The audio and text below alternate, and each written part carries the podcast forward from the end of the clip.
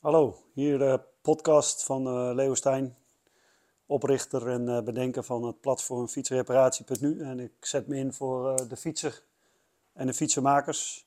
Vandaag wil ik het hebben over een, een mooi product wat de laatste jaren enorm in opkomst gekomen is. Ik zag wat cijfers dat er afgelopen maand of zo iets van 56% een e-bike verkocht was. Het, deze podcast gaat over e-bike.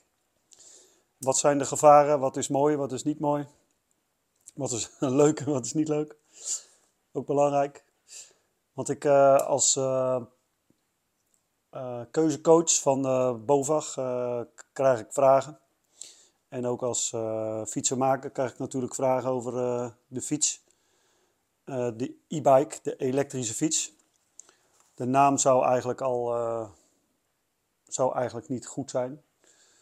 Want uh, elektrisch uh, op zich fietst die niet natuurlijk. Uh, hij is een trapondersteunende fiets. We hebben zowel voorwielmotor, achterwielmotor als een middenmotor.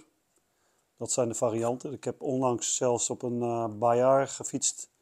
Een fiets met een voor- en een achterwielmotor. dat was een bijzondere ervaring. ik ga je meenemen met ja, de gevaren over een accu, eventuele levensduur en, uh, van de fiets dan en de storingen en de betrouwbaarheid. We hebben het dan over de motor, de controle, de display, bekabeling. En uh, ik heb onlangs een uh, bericht gedeeld op LinkedIn. daar kreeg ik wel wat mooie reacties van. Wat branchegenoten, Rob Passet van Freebike, Arnoud Ouwendag van Shimano, Dick van Steeg van Battery Control en Rudy de Groot van Rodi de Groot, sorry, van uh, Zuiderwind natuurlijk. En Patrick de Wit van Shure. En John Dekker uh, van Battery Tester. Die, uh, en meerdere collega's die hun steun betuigden. Daar ik een bericht gedeeld had over accugevaar. Daar dus zometeen meer over. Een e-bike en waarom een e-bike of geen e-bike. Er wordt veel ge zegt over veel. In het begin had je natuurlijk, uh, dat is een e-bike is voor oude mensen. Voor mensen slechte benen of uh, bejaarden. Inmiddels is dat al helemaal niet meer natuurlijk. Uh, zelfs de jeugd rijdt tegenwoordig op de fiets naar, naar school. Of naar de, naar de sport of wat dan ook. ja, en uiteindelijk is er altijd een mening en de mening heeft uh, altijd twee kanten. Uh, je kunt het misschien positief of wel negatief uh, bekijken. Dus er zit altijd een win in of een verlies in, mogelijk. En als ik het dan heb over een e-bike, wat, dan is het ja, wanneer we allemaal op een e-bike rijden. Ik, ik, haak daar zelf nog wel eens tegenaan als verwend ja, hoe noem ik mezelf? Een verwend iemand die gaat voor waardigheid en voor de natuur, voor uh, meer terug naar de bron, terug naar de oorzaak van de oorzaak. En als ik dan een e-bike zie komen en uh, ook met de auto's, wat ik voel dat dat erin gedrukt wordt als het ware.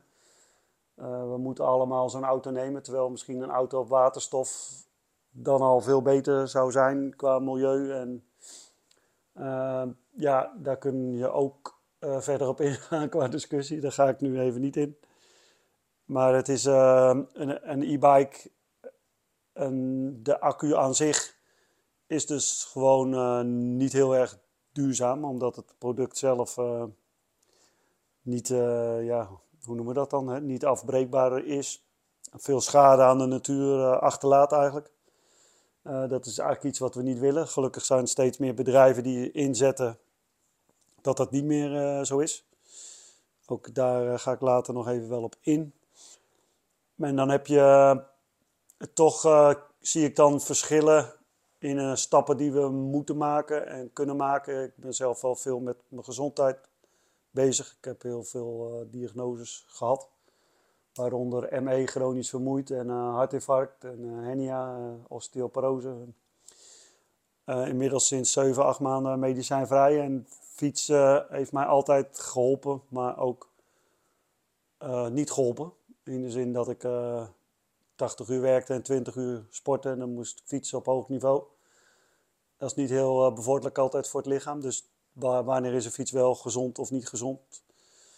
In zo'n geval, als ik dan kijk naar de gemiddelde Nederlander, dan hebben we 17, 18 miljoen mensen. En daar is meer dan 11 miljoen mensen hebben een chronische ziekte. En dat is, chronische ziekte is dan vaak dat de ontsteking aanstaat. En ontsteking staat aan door stress of door verkeerde voeding. Door verkeerd denkpatroon heb ik veel in zelf mogen zien en mogen leren. Onder andere in de opleiding van Richard Telet. En dan kijk ik naar de fiets ten opzichte van de auto. ja, dan is de fiets natuurlijk aantrekkelijker. Als je het hebt dan over waar ik dan me graag voor inzet is uh, dat we meer bewegen en uh, gezond bewegen en met name in de natuur bewegen. Dan kun je zijn dat je normaal, ga je, pak je misschien niet zo gauw die fiets. En ik hoor gelukkig steeds meer mensen die sneller en vaker de fiets pakken. Omdat het nou eenmaal of dan wel sneller gaat en of toch de voordelen ervan zien. En met name dan met een e-bike die natuurlijk uiteindelijk uh, je ziet wel dat uh, de vrouw koopt dan misschien een e-bike en dan denkt die man van ja, maar ja, dan is het dan vaak een ego-dingetje van ik hoef niet op een e-bike en dan eigenlijk al heel snel ervaren ze eigenlijk dat ze toch wel door moeten trappen om mee hun vrouw bij te houden en dan zie je vrij snel dat ze een e-bike kopen. Had wat jaren geleden nog, toen ik de winkel in Ermelo had, een klant die kocht een een paper e-bike van ons. Een merk met een mooie, ja, mooi, verhaal. En, een, uh, en zij ging eigenlijk fietsen en die man had dat, dus dat wat ik net vertel, van ja, mij niet gezien, ik kan zelf wat trappen. En nog geen twee weken later komt hij van, ik moet toch ook maar zo fietsen. en ja, ze zeiden van ja, we fietsen eigenlijk nooit. En, en toen gingen ze dus samen op het fietsje. Uh, ze kwamen na de, zeg maar, een maand of twee, drie terug. En uh, moet even de bandjes op laten pompen. En zo, ja, ik had die tas helemaal vol zitten. Ik zeg zo, wat gaan jullie allemaal niet, allemaal niet doen? Uh, zeiden ze, nou, we gaan een lekker dagje naar Elburg. Nou, vanuit Elburg, vanuit Garder is, of sorry, vanuit Ermelo is best wel een stukje rijden. En zeker als je nog wat wind hebt. Dus daar, uh, ja, en uiteindelijk kwamen ze heel vrolijk en lachend allebei terug. En met van, ja, een soort bijna van, je hebt onze relatie gered, zou ik maar zeggen. Omdat, nou ja, ze gingen gewoon veel samen leuke dingen doen. lekker op pad met de fiets. En dat is natuurlijk een winstpunt van een e-bike als we het hebben over gezondheid. En dan directe gezondheid op het leven. En ik hoop dat er uh, meer uh, dingen komen dat we de accu beter kunnen, kunnen verwerken. er zijn wat dingen op komst, of, of, er zijn natuurlijk al veel dingen en veel dingen worden ook niet al ingezet, omdat er heel veel op, ja, wat er nu is, eigenlijk is ingekocht, zeg maar. De materialen die nu in de accu zitten, daar hebben bedrijven natuurlijk enorm op ingezet. Uh, om, uh, ja, om een goede prijs te hebben, om die accu's uh, duurzaam of veel te kunnen inzetten. Maar op duurzaamheid wordt in die zin niet lang ingezet, want gemiddeld accu mogen we blij zijn dat die vijf jaar meegaat. We hebben het over een afschrijving van 20% per jaar. Dan is het natuurlijk niet 5 keer 20, want je hebt nou ja, 100% in het begin, min 20% is 80. En dan weer 80 min 20%. En zo zou je volgens mij iets van 30% of iets minder overhouden na vijf jaar. Maar met de, de kou in de winter erbij uh, neemt de accu al gauw ook 20% eh, capaciteit af. Uh, dan heb ik het meteen over uh, wat, wat nadelen van een, uh, van een e-bike. Naast dat het natuurlijk niet milieuvriendelijk is, nou ja, had ik het dus net over de voordelen. Ja, dat we dus vaker en meer de fiets pakken. Dat het beter is als een auto pakken. Je zegt, we horen ook steeds meer de fiets is het vervoersmiddel van de toekomst. Je ziet hem steeds meer in de steden, mogen geen auto's meer in en dat toch de e-bike ingezet wordt. Dus daar kan ik mijn hart langzaam een beetje meer voor openen. Maar ik zet me toch wel in voor, ook voor de veiligheid. Omdat veiligheid, efficiëntie en duurzaamheid belangrijke waarden voor mij zijn. En als ik het dan heb over gevaarlijk, dan is een accu eigenlijk gevaarlijk. Omdat wanneer deze valt, heb je eigenlijk een, waar we, wat we mogelijk, zeggen, mogelijk mogen zeggen, een tijdbom. Omdat je niet weet wat er gebeurt. Ik heb zelf een mooi verhaal, nee geen mooi verhaal, een verhaal erover. Met een accu van een klant, die had een Forza. Uh, Forza, die was vier jaar oud, de fiets. En de klant zegt, ja de accu lijkt het probleem, maar het display gaat niet meer aan is altijd natuurlijk de vraag, wat is dat dan? Dat kan natuurlijk ook nog steeds een bekabeling probleem zijn of een controleprobleem of een uh, motorprobleem. Uh, er is een storing in.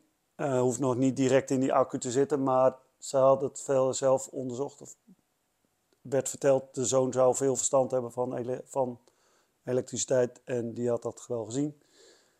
Dus uh, ja, wat kan ik verder doen? Uh, er werd verteld, kan ik een nieuwe accu leveren, want de accu zelf was door Forza niet meer leverbaar. Is al een probleem, hè? fiets van vier jaar oud en een accu die niet meer leverbaar is.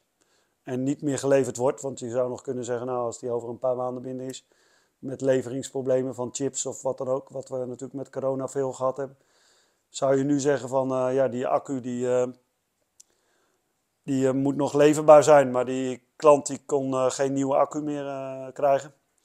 Ik stelde voor om even tot te laten reviseren. En ik vroeg ten aanzien van de veiligheid, omdat ik daar een mooi gesprek over had gehad met Leen Boers, de oud-directeur van Cyclon Smeermiddelen. Die verdiept zich in, in veiligheid van accu's van de fiets. Met uh, blusdekens, met koffers waar je in de accu in de koffer kan doen om op te laden voor de consument of eventueel voor een dealer. Voor consumenten als je op vakantie gaat, of voor consumenten thuis als je in Amsterdam woont en vier hoog achter ja, je fiets aan de lader wil doen, dan wil je die accu niet boven op je zolder hebben of op je vierde verdieping dat die accu ontbrandt. Ik heb video's gezien van een stepje die op een verdieping eh, van een flat in de brand ging. Nou, dan wil je niet weten dat die hele flat eh, in de brand gaat. En dat zijn dingen die mij eh, raken. Dus daarin had ik dus die accu van die Forza dus expliciet gevraagd of ze niet gevallen was. Eigenlijk had ik dan met mijn wetenschap van nu, dat is dan weer een maand verder, gewoon die accu misschien zelf wel even moeten testen. Voordat ik überhaupt ging opsturen deed ik niet. Onder andere zo'n tip van John Dekker gekregen van batterijtesten. Van, testen we natuurlijk altijd. Dat doe je dus als ondernemer niet snel. want je denkt dat is weer extra tijd, kost me weer tijd. Andere kant is dat een risico. ja, wat, wat is dan tijd? Als dat, die accu in een DHL-busje of andere vervoersmaatschappij ligt en die dat ding ontbrandt en die pakjes vliegen de lucht in met de bus of in de brand of met de auto en al en met de gevaren die daar ook allemaal kunnen komen. En dan kreeg ik op mijn LinkedIn bericht onder andere de reactie van, van ja, dat ik een paniekzaaier ben. nou ja, gelukkig heb ik bijval gekregen van vele collega's. Met name ook John Dekker van batterijtester, van Dick van der Steeg, batteriecontrol. En dan kun je zeggen dat zijn belanghebbenden, maar batterijtester niet. Ja, in zoverre wel dat die batterijen getest moeten worden, maar hij heeft echt een hulpmiddel. En battery control met Dick van der Steeg toch ook zeker wel. Uh, die hebben eh, een afgesloten ruimte, uh, boxen waarbij je hem in, in, kan doen. Net als of ja, steeds meer bedrijven hebben iets waar je de accu in kan doen. Er zijn ook, natuurlijk ook de accukasten.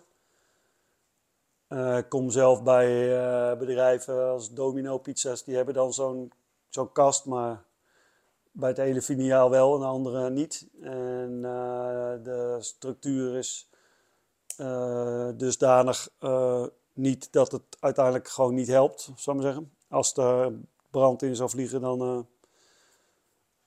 Wat we toch ook zien, hè, er zijn ook hele grote uh, accu-revisiebedrijven onlangs helemaal afgebrand. Steeds meer in winkels, oh, steeds meer bij mensen thuis. Dus we kunnen niet meer zeggen dat een accu geen gevaren oplevert. En er wordt, werd gezegd van nou, is het een, als het een aanmerk is of een kwaliteitsfiets, dan niet. Dan hebben we dat risico niet. Nou, en dan wordt er gezegd van ja, kom dan met cijfers, Leo. Maar ik zie het in het nieuws komen en ik luister naar het nieuws. En het raakt me en ik ben daar verder geen specialist in. Ik neem me aan als een merk als Shimano die dat levert. Als een merk als Bavang of Bosch. Dat hun met hun product bezig zijn dat dat niet in de brand kan vliegen. Want uiteindelijk zou ik bijna zeggen, ik weet niet hoe dat werkt, maar dat hun aansprakelijk zijn. Dus uiteindelijk zou meneer Shimano of meneer Bavang of meneer ja, de accuman, uh, zeg maar, of degene die de accu levert, uh, met, met dit soort cijfers moeten komen en zeggen dat het hun niet gebeurt, uh, vind ik heel gevaarlijk. Voor hunzelf, maar zeker voor de mensen die dan denken van nou, dan moet ik dat kopen. En dan denken dat er niks aan de hand is. Het verhaal met die Forza-fiets is dus uiteindelijk dat die, hij, ik, heb hem, ik wil hem dus niet zelf opsturen. En de accurevisiebedrijf wilde hem wel ophalen, laten halen. En later kreeg ik de accu in een lege kaas, zeg maar. Dus alleen de, de behuizing terug. Klant helemaal boos. Uh, waar is mijn accu? En uh, ik zeg, ja, uh, dat was een die mocht niet teruggestuurd worden. Ja, maar mijn accu dit en dat. Ik zeg, nou mevrouw, u had er niet zo heel veel meer aan. Want hij, hij was gevaarlijk. Ja, maar wat nou gevaarlijk? Ik heb er gewoon, ze heeft er gewoon nog mee gereden. Ik zeg, ja, maar hij deed het toch niet meer? Nee, maar ja, tot, tot, tot dan wel. En misschien is er nog wel wat aan te doen. En nu heb ik helemaal geen accu meer. Wat kan ik nou? Ik zeg, nou mevrouw, het is zover dat ik hem niet op wilde sturen in eerste instantie. Toen heeft de revisiebedrijf hem wel op laten halen. ik heb het niet gedaan omdat ik die verantwoordelijkheid niet wil nemen. Uiteindelijk doe ik dat wel, hè, want ik stuur hem op. Dus ik leg de verantwoordelijkheid bij iemand anders in zijn handen. En ja, dat raakt me ook wel. Van klopt dat wel, dat ik die verantwoording dan bij een ander leg? Eigenlijk moet ik de accu's gewoon in een, ja, wat dan nu bekend is, dat zo'n koffer dan, uh, ik heb daar wat video's over gezien, en dat zo'n koffer, de accu wordt ontstoken, uh, dat, er wat, nou, dat, die, dat er wat gebeurt en dat schijnt heel goed te gaan. dus de, oh, dat is de manier van het vervoer van een accu. En later blijkt dus dat die eh, revisiebedrijf die zegt gewoon dat die accu gevallen is. En dat ziet hij aan beschadigingen. Op, dan wel op de accu, dan wel in de accu. En uh, ja, toen kreeg ik dan op een gegeven moment ook de fiets van die mevrouw. Omdat ik dan moest kijken hoe verder, zeg maar zeggen. En ik zou er een nieuwe accu, een drager op zetten met een accu. Met een nieuwe aansluiting, controller dan, nieuwe aansluiting. Zodat ze weer met een nieuwe accu weer zou kunnen gebruiken. En toen zag ik die fiets en nou, die kon ik gewoon zien dat die goed gevallen was, zou ik zeggen. En dus ik leg dat terug bij die mevrouw en toen zegt ze, ja, ja, dat had mijn dochter niet verteld. Maar uiteindelijk blijkt dat het verhaal, dat die mevrouw het natuurlijk gewoon geweten heeft. En dat is hoe het gaat. En wie is dan de verantwoordelijke, zeg maar? Ben ik dat als fietsenmaker? Is die accu-revisiebedrijf dat? Is die consument dat? Uiteindelijk kun je teruggaan naar die consument, maar wat weet die consument? Uh, als ik het al bijna niet weet als, uh, nou ja, ben ik ervaringsdeskundige? Weet ik niet. Ik, uh, ben, ik zit 30 jaar in de fietsenbranche en periode dat de eerste e-bikes kwamen, waaronder de Spartafaros. Toen had ik een hekel aan die dingen. Ik ben een race ATB-specialist en ik vond het maar kut, die, excuus voor het woord. ik vond het maar niks, die e-bikes. en in die periode werd ik ziek en toen ben ik ongeveer vijf jaar denk uit de branche geweest. En toen uh, kwam ik weer terug eigenlijk in het, uh, op het moment dat, uh, dat de e-bikes eigenlijk weer op de markt kwamen. En ja, toen heb ik er flink tegen gemopperd en toch zag ik wel van ja, dit is toch wel iets wat men doorheen drukt en ook vervoersmiddel van de toekomst gaat worden, zoals het nu is. Dus daar, ja, en, en ja, je kunt er als fietsenmaker bijna niet meer heen, omheen enerzijds. En anderzijds kun je ook keuzes maken om het wel of niet te doen. En doen we het allemaal niet of doen we het allemaal wel? Eigenlijk, ja, dat is een lastige. Ik zou het eigenlijk, dus eigenlijk het liefst niet doen, maar ik wil, me, ik wil het wel doen omdat ik daar heel veel mensen mee help. Ten aanzien van gezondheid, omdat dat mijn eerste trigger is. Maar veiligheid is natuurlijk kernwaarde of probleem nummer één. Dus, dus ik wil me met name ook voor die accuveiligheid ook steeds meer inzetten. Dus, en ik wil uh, u ook niet bang maken om geen elektrische fiets te kopen. Maar het is net als een mobiel. Uh, dat was ook nog een mooie reactie op LinkedIn. Iemand zei van ja, maar wat dan met een mobiel? Hoeveel uh, mobieltjes vliegen er niet in de brand of zijn er problemen mee? En uiteindelijk heeft de mobiel natuurlijk een heel klein accu'tje en is dat in een e-bike vele malen groter en in de auto vele malen groter. Wat gaat er uiteindelijk met, met auto's gebeuren als die in een crash komen en dit, het klapt tegen die accu aan en dat, hoe gaat dat? daar wil ik me dan nu niet verder over nadenken en mee bezig zijn, maar die e-bike, die toch zeker wel. Die wil je uiteindelijk dat die, dat die veilig is. Um, en hoe dat die veilig is opgeborgen bij mij of bij de consument. Uh, met name ook die consument uh, informeren, die fietser. Want uh, dus net als die mevrouw, ja, uiteindelijk zei ze van die Forza fiets. Uiteindelijk zei ze van ja, ik ben eigenlijk heel blij dat u me zo gewaarschuwd heeft. En we kunnen daar beter op letten en dit en dat. En dat is hoe het gaat. Van schade en schande willen we leren. Maar dan, als ik dan verhalen hoor als Bijvoorbeeld uh, Rob Basset van uh, Freebike, die geeft aan van ja, maar bij onze accu's gebeurt het niet. En dan zie ik even later bij de recensies van, van het bedrijf Freebike, zie ik dat er onder andere een klacht is over een accu. en dan denk ik van ja, er wordt geschreven dat het niet zo is en dat vind ik enerzijds jammer. En anderzijds weet ik hoe dat gaat van ja, degene die het hard schreeuwt, wat zeggen ze daarover? Hè? dus ja, uiteindelijk is dat wel een heel groot kernpunt, vind ik, in de tweewielenbranche. Dat we, als het gaat over verantwoordelijkheid. En uiteindelijk moet ik daar zelf natuurlijk ook, uh, wie, wie ben ik daarin en wat doe ik daarin? Uiteindelijk is mijn keuze vooral de, de fietsen met name onderweg dan wel aan huis te repareren. Dus ik repareer hem in, in de bus. Dat kan nog steeds gebeuren. Alleen, en, en, en daar heb ik, uh, ja, daar, daar kijk ik naar, zeg maar, in, in hoe dat het op zijn veiligste manier kan. Daar ben ik in aan het, aan het leren en ik weet er ook nog niet alles van. Maar hoe meer ik me ervoor in wil zetten, hoe dat ik ga voor die veiligheid, zal ik ook meer te weten komen. thuis heb ik nog een studio werkplaats, maar uiteindelijk maak ik eigenlijk 90% van de fietsen buitenshuis. En dat wat hier staat, staat eigenlijk altijd buiten. En sowieso buiten het huis, niet hechtend aan, uh, aan mijn uh, huis. En uiteindelijk wel heel dichtbij natuurlijk. Dus dat kan. Uh, maar in vele gevallen, zoals onlangs de winkel en andere gevallen met een heel pand en zo, wat helemaal verwoest wordt. En je wil niet weten wie daarboven woont.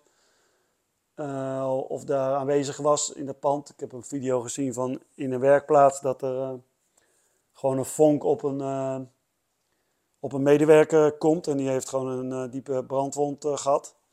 En die fiets dan maar eens naar buiten te krijgen. Want dat is de, eigenlijk nu het motto van die accu moet naar buiten. Want als je hem dan, wat is het, 48 uur laat branden, dan, dan is het over. en ja, 48 uur branden hier bij mijn schuur, dat gaat denk ik ook niet goed. En staat wat, ja, ik zit ook naast een school, dus ja, wat heb, dan gaat het ook over veiligheid. Dus daar heb ik zelf ook zeker in te kijken. En daarom heb ik ook sowieso gekozen voor dat ik 90% of vooral het meeste buiten de deur maak. En ik wil er ook voor in gaan staan dat, ik, uh, dat als ik dan een fiets hier krijg, dat ik dan uh, met de batterijtester uh, de accu test.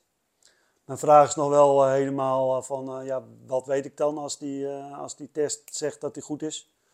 Want ook daarvan is het vaak van, nou ja, met name over een capaciteittest, dat je weet van nou dat is nog de capaciteit. Dat kan al twee dagen later al anders zijn, afhankelijk van of die geval is wat, en wat er verder met die accu gebeurt. Een accu zie ik zelf behoorlijk, behoorlijk vergelijkbaar met een mens. Een mens houdt van, is het lekker om 20, 25 graden. Ja, geen klappen, niet, te veel doen. Maar als we helemaal niks doen, dan uh, gaat het niet goed met ons. En dat is met een accu ook. Moet je gewoon regelmatig gebruiken. Veel mensen laten de accu zeg maar, in de winter leeg. Of vroeger leren we dan bij sommige accu's dan van, nou, laat ze aan de lader op je, in je vakantiehuisje. Zo vier, vijf maanden in je zomerhuisje je accu aan de lader. Nou, je wil niet weten wat er kan gebeuren. Belangrijk zou zijn dat je hem tot 60, 70 procent laat. En dan een soort van bijlaat. Daar zijn steeds meer apparatuur voor om dat te doen. ja, dat zijn belangrijke dingen om daar met elkaar over te gaan hebben met die mensen die ik al genoemd heb. Hè. Die, Rob Basset, uh, Arnold Ouwendag van Shimano, Dick van der Steeg van Battery Control. Rodi de Groot van Zuiderwind, ook een accu-revisiebedrijf. Eh, en dan Patrick de Wit, die is van Shure. Die hebben mogelijk wel een oplossing. Die hebben een fiets, daar zit, ja, je mag daar geen accu noemen. Dus een condensator erin. die is binnen 7 minuten 70% geladen en binnen 30 minuten 100% geladen. En uh, niet brandgevaarlijk. dus dat is, zou eigenlijk een oplossing zijn. Zo heb ik van uh, Reinier, die is van Bayard. En Peter van Bayard, die hebben een, een achterwielmotor. en die motor die zou zichzelf opladen, zeg maar. Onder andere bij terugtrappen dan wel remmen. En nou, die zijn bijvoorbeeld, ik van klanten die ze anderhalf jaar gebruikten, die nog maar twee keer de fiets aan de lader gehad hebben. Dat zijn natuurlijk aantrekkelijke dingen en daar zit niet zo'n grote accu in, dat, die zit gewoon in het wiel, zeg maar. Dus dat zijn mooie ontwikkelingen.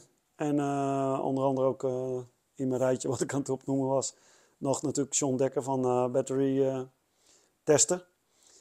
Uh, ja, wat is dat eigenlijk, een battery tester? Dat is een, uh, een eh, klein kastje uh, met allerlei adapters. Allerlei adapters passen dan wel in de verschillende accu's die er zijn. Helaas is dat natuurlijk ook daarin weer wat het is. Hè? Steeds meer bedrijven bedenken hun eigen systeem. Zo moet zo'n batterietester weer allerlei adapters elke keer weer bedenken.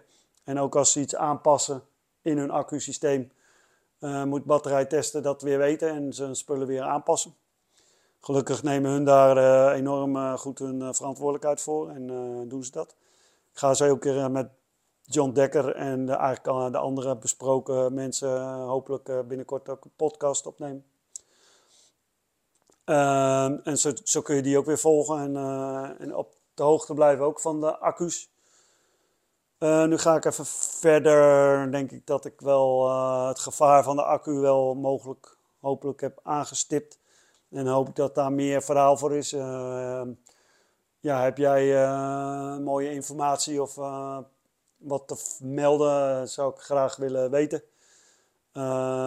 mail me naar leo.fietsreparatie.nu of stel een vraag aan Vraag de Fietsenmaker op mijn kanaal, YouTube kanaal. Vraag de Fietsenmaker of fietsenmaker TV.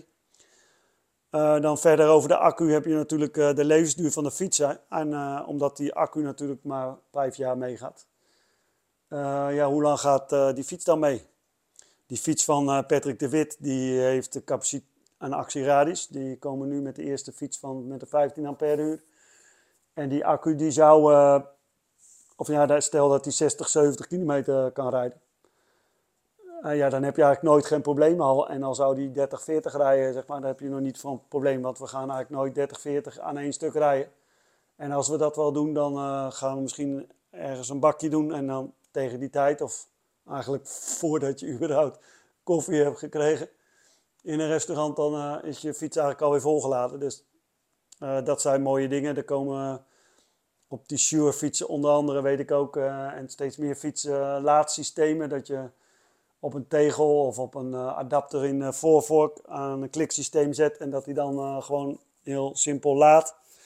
Dan moeten we natuurlijk naar steeds meer veilige mogelijkheden. Je hebt onlangs in Amsterdam hebben ze een enorme hal, uh, of nee, ondergronds uh, parkeergarage, fietsparkeergarage gemaakt. Nou, dan wil je niet weten als daar natuurlijk een uh, e-bikes staan of e-bikes opgeladen worden. ja, dat moet natuurlijk in, brandveilig wezen. Zeker, nou dat is een belangrijke taak voor, voor de regering, maar ook voor gemeentes. Of, ja, die voeren dat natuurlijk uit. Dus die, dat is een heel, heel pakketje, heel dingetje, die levensduur van die fiets. Sowieso maak, vraag ik me af, wat is de, de huidige levensduur van een fiets?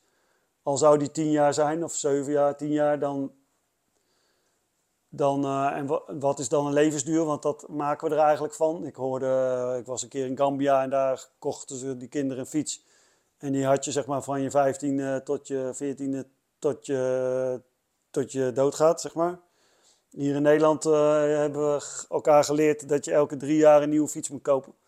Met het bedrijfsfietsenplan. En uh, elke keer zijn we koopgeil, noem ik het ook maar een beetje. Elke keer moeten we weer een nieuwe fiets kopen. ik heb zelf de slogan...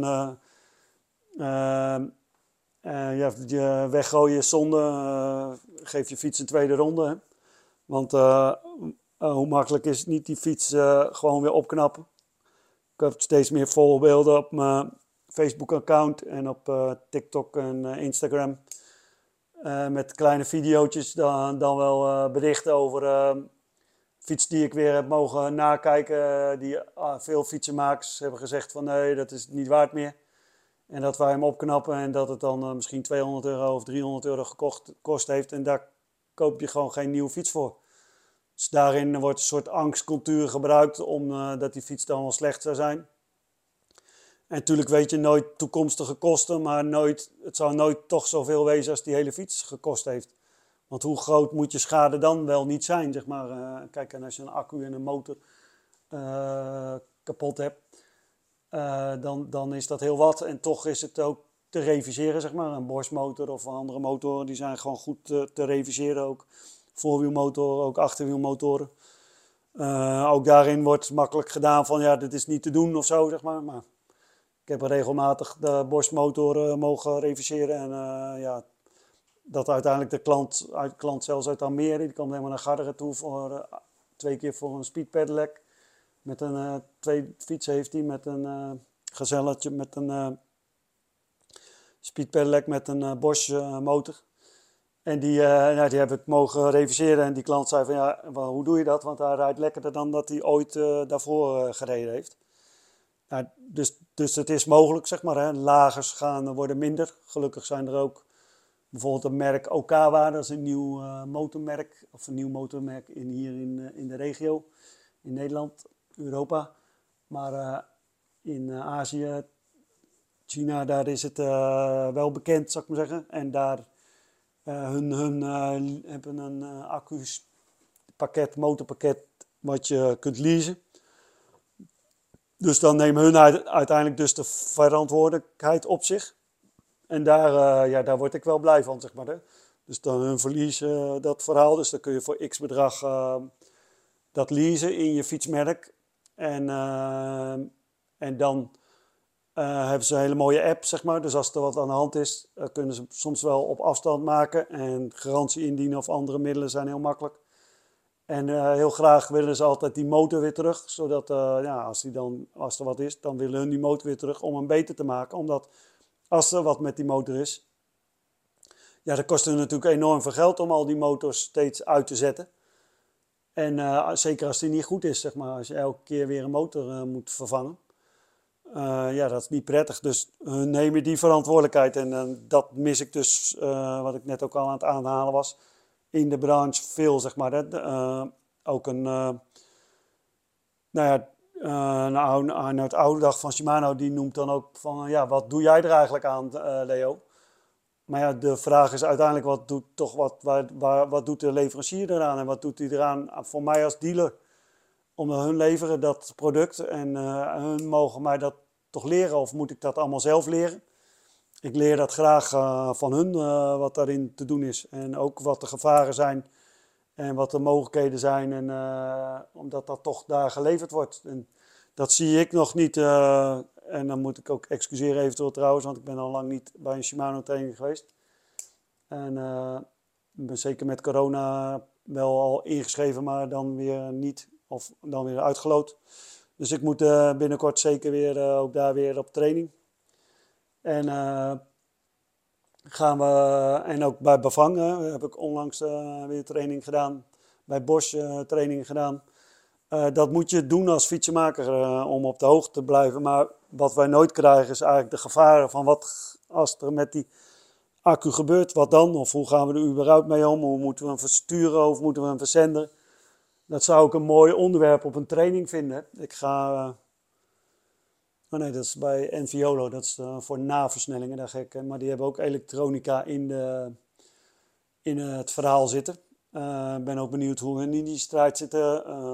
ja, het is gewoon belangrijk te kijken hoe ja, hoe we dat samen kunnen oppakken. Niet de vinger naar elkaar wijzen, want we weten wanneer we de vinger naar iemand wijzen, dan hoeveel wijzen er dan? Ik geloof drie of vier naar jezelf weer, zeg ik maar zeggen. Ik ben daar zelf wel van en voor, zeg maar, hè, dat ik zelf verantwoordelijkheid voor wil nemen. En uh, doen. En ja, en natuurlijk doe ik het ook wel eens niet. Hè, en dan met name als ik er niet bewust van ben.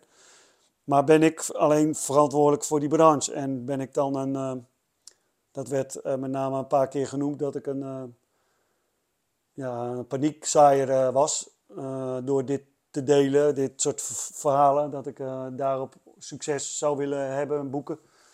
Als influencer of ambassadeur voor de branche. Maar ik ben ambassadeur voor de branche. Voor mij is het belangrijk dat als, dat als die, die fiets of die schade of die, die collega, waar het dan uiteindelijk het onderwerp over ging, als die tent in de brand gaat, ja, dat raakt mij.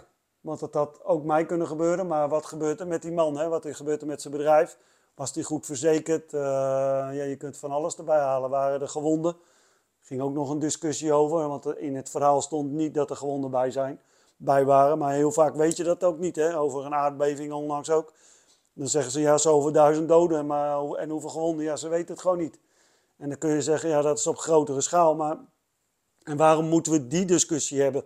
Waarom gaat het daarover, zeg maar? Over zo'n uh, zo'n klein detaildingetje waar je dan zegt van, nou, ik had, ik, het raakte mij echt, zeg maar, als mens. Uh, dat, dat dat dus gebeurt. En want straks gebeurt het bij mij. Ik wil daar meer van weten. Ik heb niet, nee, ik heb niet meteen die collega gebeld en uh, gevraagd van, ja, wat is er gebeurd en wat heb je allemaal wel of niet gedaan. En natuurlijk willen we daar, daar, uiteindelijk wil je daar wel mee in contact, zeg maar, hè, met elkaar. Van, hey, wat is daar misgegaan en wat kunnen we van leren? Niet over dat hij dan fout is, maar van hem kan ik leren. Want bij hem is het gebeurd. Wat kan ik daarvan leren? Wat is er allemaal gebeurd in die brand? Maar daar wil ik het over hebben en niet het in de doofpot stoppen. Want dat is natuurlijk heel makkelijk. Van, uh, bij merk A en B, uh, alle aanmerken, daar gebeurt het niet bij. Dat, dat kan niet waar zijn, toch? Als mijn accu valt, eh, gebeurt het dan bij een Bosch accu niet? Of bij een Shimano accu niet?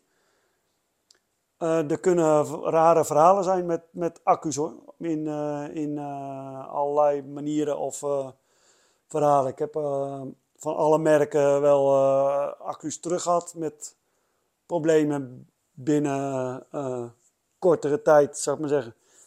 En dan hoor je ook heel vaak uiteindelijk niet wat er gebeurt. Dan krijg je gewoon een nieuwe accu opgestuurd binnen de garantie.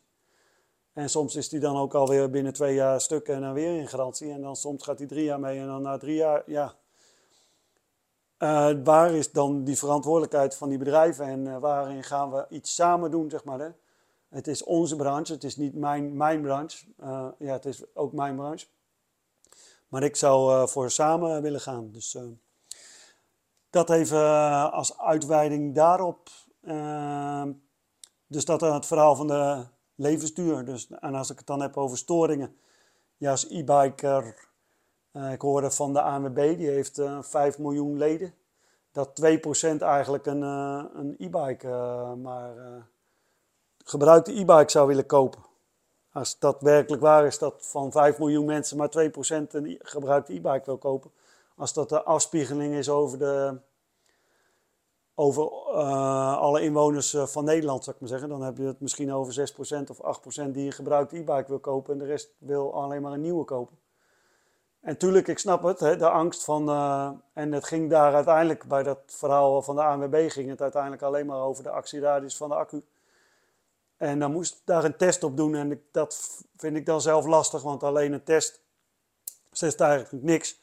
Want, uh, want ik weet nooit uh, hoeveel kilometer uiteindelijk ik met, mijn, met mijn accu kan rijden. Heel mak dat kan heel makkelijk gezegd worden dat is ook een vraag natuurlijk, eh, een, een terechte vraag van eh, ja, hoeveel kilometer kan ik fietsen? Uiteindelijk vraag je dat niet bij een gewone fiets, omdat je zelf moet trappen. Dus, en vaak, ja, ja, hoeveel kun je zelf fietsen? Vaak kunnen ze zelf nog geen kan men vijf, nog ineens zelf vijf of tien kilometer fietsen. En dan wil je wel een accu hebben die uh, 100 kilometer kan. Omdat je hem dan minder op moet laden. Maar ja, en uiteindelijk zit hij dus met een leeftijd. Als je zo'n accu hebt van, uh, met zo'n condensator van Patrick de Wit. Kijk, die gaat tien jaar lang, uh, of misschien langer geloof ik zelfs, heeft die, uh, houdt hij dezelfde actieradius. Dan heb je dat probleem niet. Kijk, zo'n product wil je eigenlijk hebben. Je wil niet een product hebben wat, wat je weet dat die al vijf jaar oud is. Of na vijf jaar al stopt. Het is eigenlijk dat je met een partner, met iemand een een relatie aangaat en waarvan je weet dat hij nog maar vijf jaar te leven heeft. Uh, wil je dat? Dus ik snap die angst eigenlijk van, uh, van een gebruikte e-bike uh, aanschaffen. En, en, en nog steeds kun je in vijf jaar een mooie tijd hebben en heel veel fietsen en dat soort toestanden.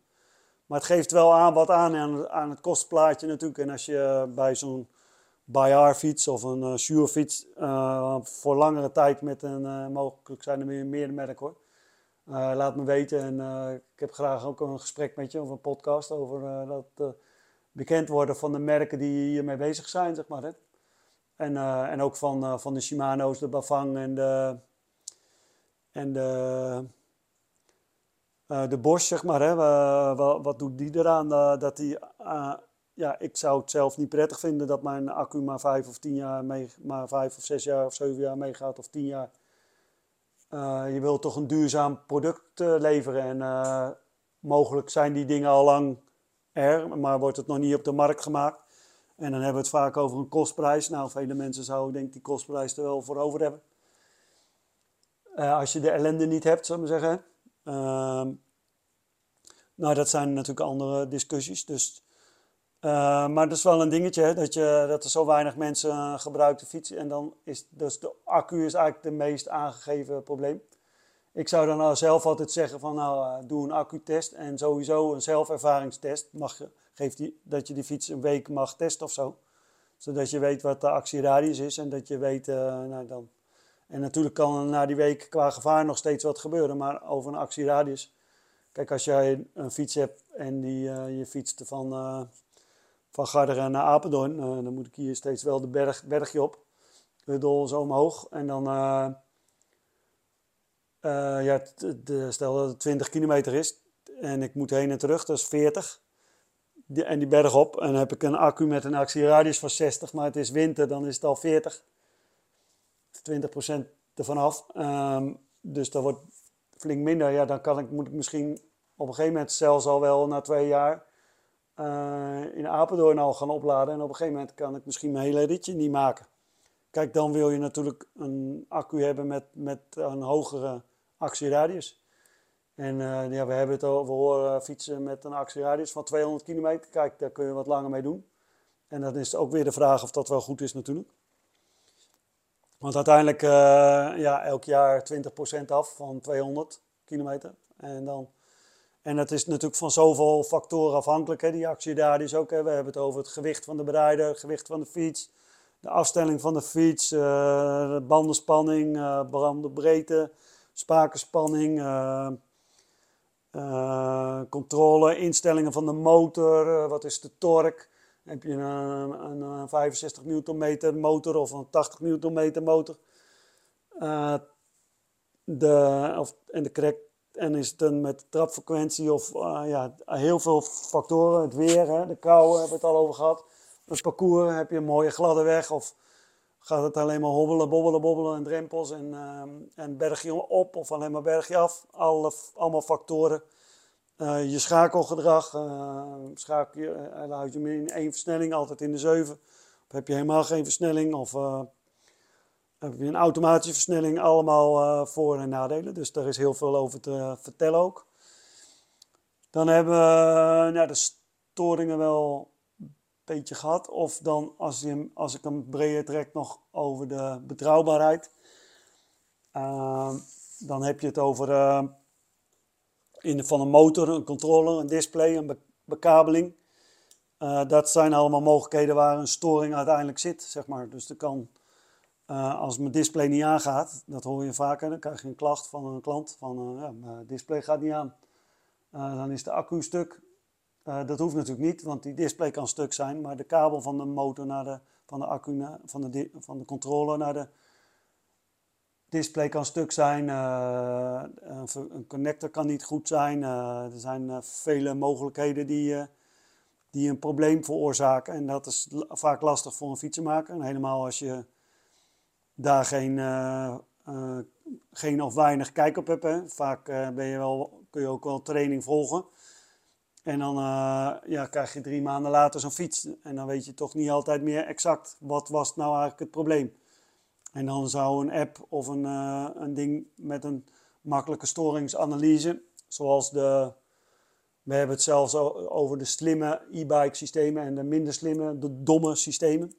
Uh, wat is dat dan voor woorden? Dat zijn dat je de slimme e-bikes die die hebben een, ja, met een uitleessysteem, hè, dat, je, dat, wij, dat, je die aan, dat wij die aan de computer kunnen hangen. En dat die eigenlijk vertelt waar het probleem zit en, en wat eraan te doen mogelijk. En verder heb je natuurlijk de uitsluitmogelijkheid. Hè. Dus ik hang een nieuw display aan, of ik hang een nieuwe magneet eraan, of ik hang een nieuwe controller eraan. En zo sluit ik uit en kijk ik uiteindelijk wat het probleem is. Of je dan altijd de oorzaak van de oorzaak hebt. dat, dat valt dan weer te bezien na, na weer een, een tijdje rijden. Maar dat is wel het, het lastige. En daar zitten we in. En uh, ja, ik hoop dat we daar steeds meer in samenwerking de dingen gaan, gaan bekijken en doen. Tot slot heb ik eigenlijk nog helemaal niet gehad over de soorten. Misschien wel een beetje. Maar we hebben natuurlijk een voorwielmotor, een achterwielmotor en een middenmotor. Nou, wat zijn nou de voordelen? Wat ik wel veel hoor is... een voorwielmotor is levensgevaarlijk. Uh, er zijn ook uh, wel daarin cijfers bekend, geloof ik, dat er inderdaad wel veel ongelukken gebeuren met de voorwielmotor. Maar dat gaat ook wel weer over kennis delen. Hè? Want uiteindelijk heb je, als je een voorwielmotor hebt, dan heb je ook zelf achterwiel. En dat drijf je aan. Dus eigenlijk heb je tweewielaandrijving. Ik heb onlangs op een uh, by R gereden. Die had een voor- en een achterwielmotor. Dat reed wel heel, uh, heel smooth, heel relaxed, heel comfortabel. Uh, dat zie je nog niet veel, zeg maar. Maar dat was ook gewoon een, eh, een, een, een, eh, ja, een leuk testmoment, zou ik maar zeggen. Verder weet ik niet hoe, hoe, dat verder loopt. Maar, en, en uiteindelijk zit je wel met je kostprijzen ook. En uiteindelijk als het over veiligheid gaat, is dat natuurlijk heel interessant. Als dat veiliger maakt. Maar een fiets met een voorwielmotor en ik ga, hij rijdt 25 per uur en ik ben gewend normaal op mijn fiets 15, 16 te rijden en ik rijd dan in één keer 25, wordt al wat gevaarlijker, omdat mijn ervaring, mijn handelingssnelheid en zo uh, daar nog niet is. Dus dat, dat vraagt training, dat vraagt de tijd, dat vraagt uh, leerweg. En uh, ja, als je dan ook maar heel weinig fietst, ja, wanneer kom je weer in die ervaring? Mijn moeder die moet op een, of die rijdt op een driewieler, zeg maar. En ja, dan, dan moet ze eigenlijk, eigenlijk vaak blijven fietsen, omdat het anders ja, lukt het eigenlijk gewoon niet in de, het besturen van zo'n driewieler, want dat is ook nog wel een ding. Nou, zo heb je veel, veel uh, dingen. Die voor je motor, kijk, als ik daar met 25 per uur op een rotonde afrij, dan moet ik ook gewoon zelf niet doen op mijn racefietsje met mijn bandjes of zo. dan moet ik uitkijken als het nat is.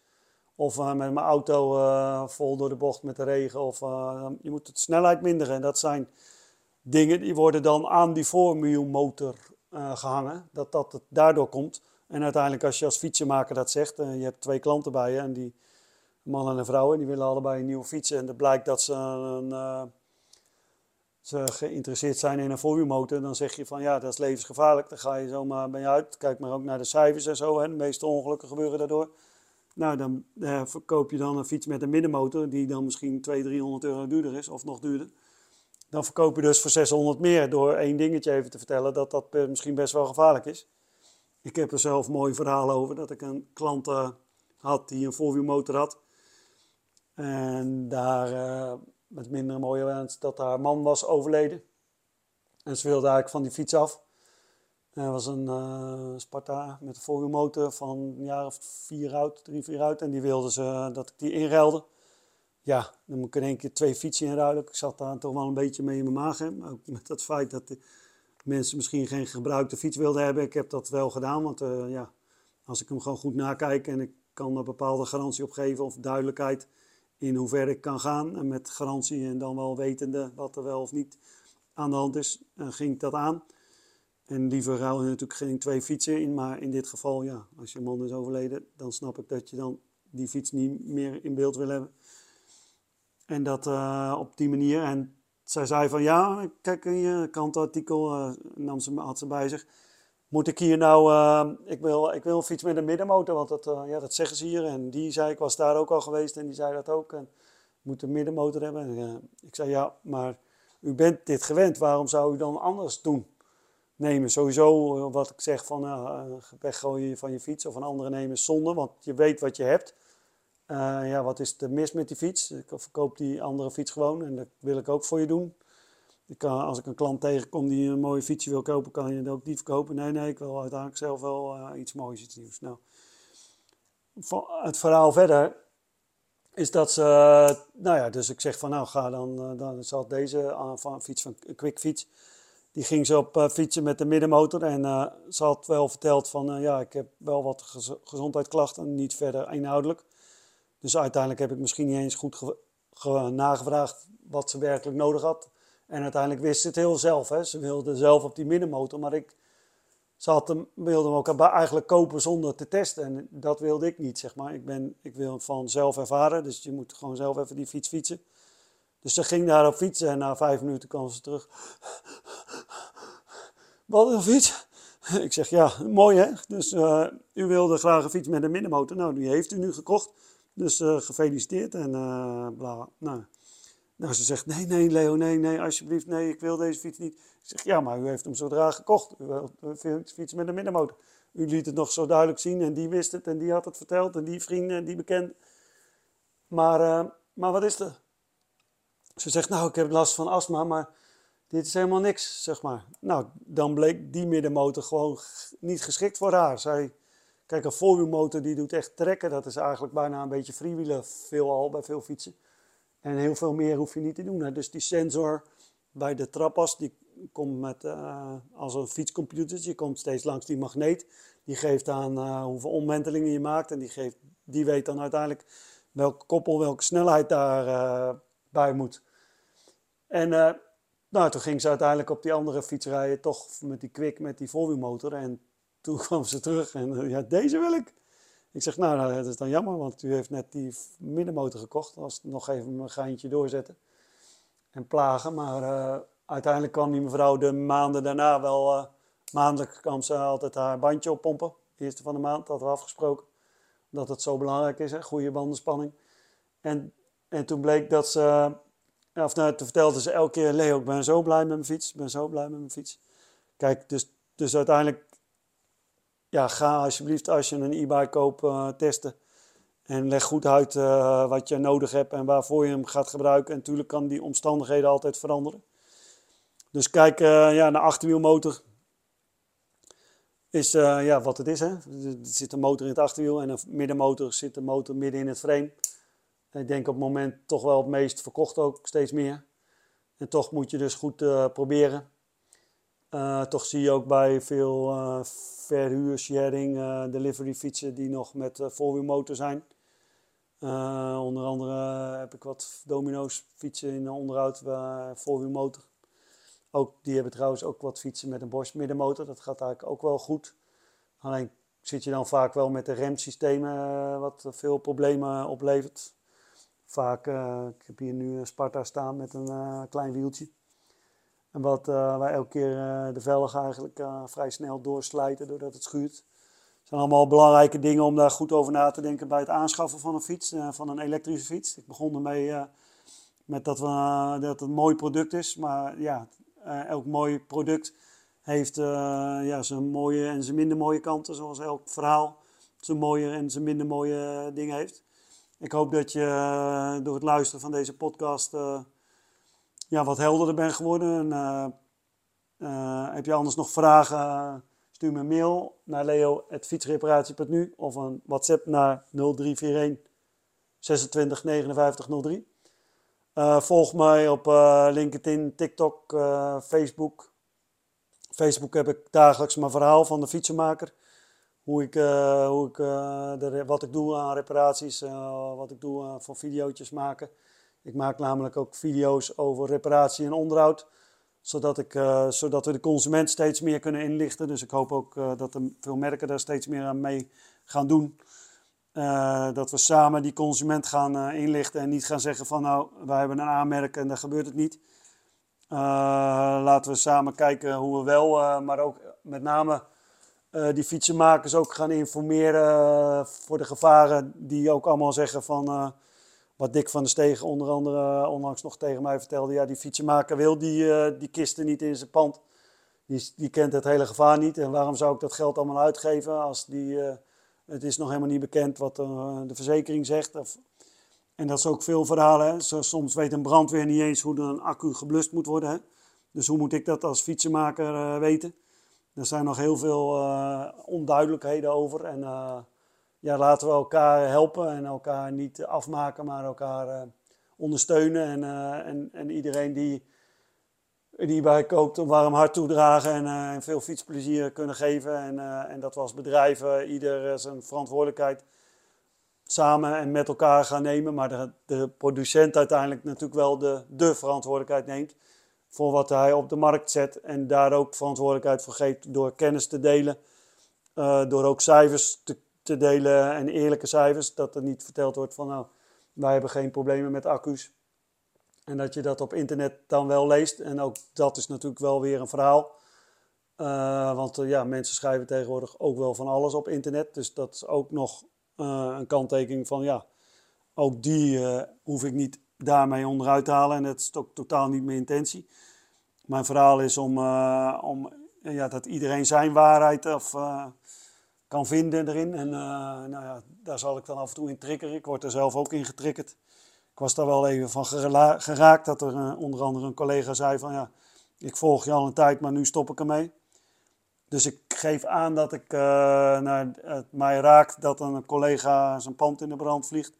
En een andere collega wil mij daarom niet meer volgen, zeg maar. Nou ja, dat raakte mij. En aan de andere kant uh, is dat wat het is. Hè? Ik hoef niet elke fietsenmaker uh, een volger te hebben. Uh, en, want, maar uiteindelijk is het natuurlijk wel een, een probleem van ons allemaal. En dat moeten we niet weglaten. Dus dankjewel voor het luisteren. En hopelijk tot een volgende podcast. op stapel staat sowieso natuurlijk dat ik met Rob Basset ga ik een, een podcast doen, hopelijk nog met Arnoud Ouwendag of een andere collega van Shimano, Dick van der Steeg van Battery Control. Uh, Rodi ook, de Groot ook uitgenodigd, of andere collega van Zuiderwind, Patrick de Wit, zit ik binnenkort wel met een podcast over zijn bedrijf Sure. John Dekker ook zeker een podcast mee, doen. en meerdere bedrijven waar ik mee, wel mee werk, zeg maar, en een product test dan wel promote. Dat is dus onder andere de batterijtester. Nou ja, daar, daar ben ik mee bezig. Dus volg me en like dit en deel dit als je iemand weet die ook zeker deze podcast mag luisteren of een van mijn andere podcasten. Ik hoor graag ook de feedback over de podcast en dankjewel voor het luisteren.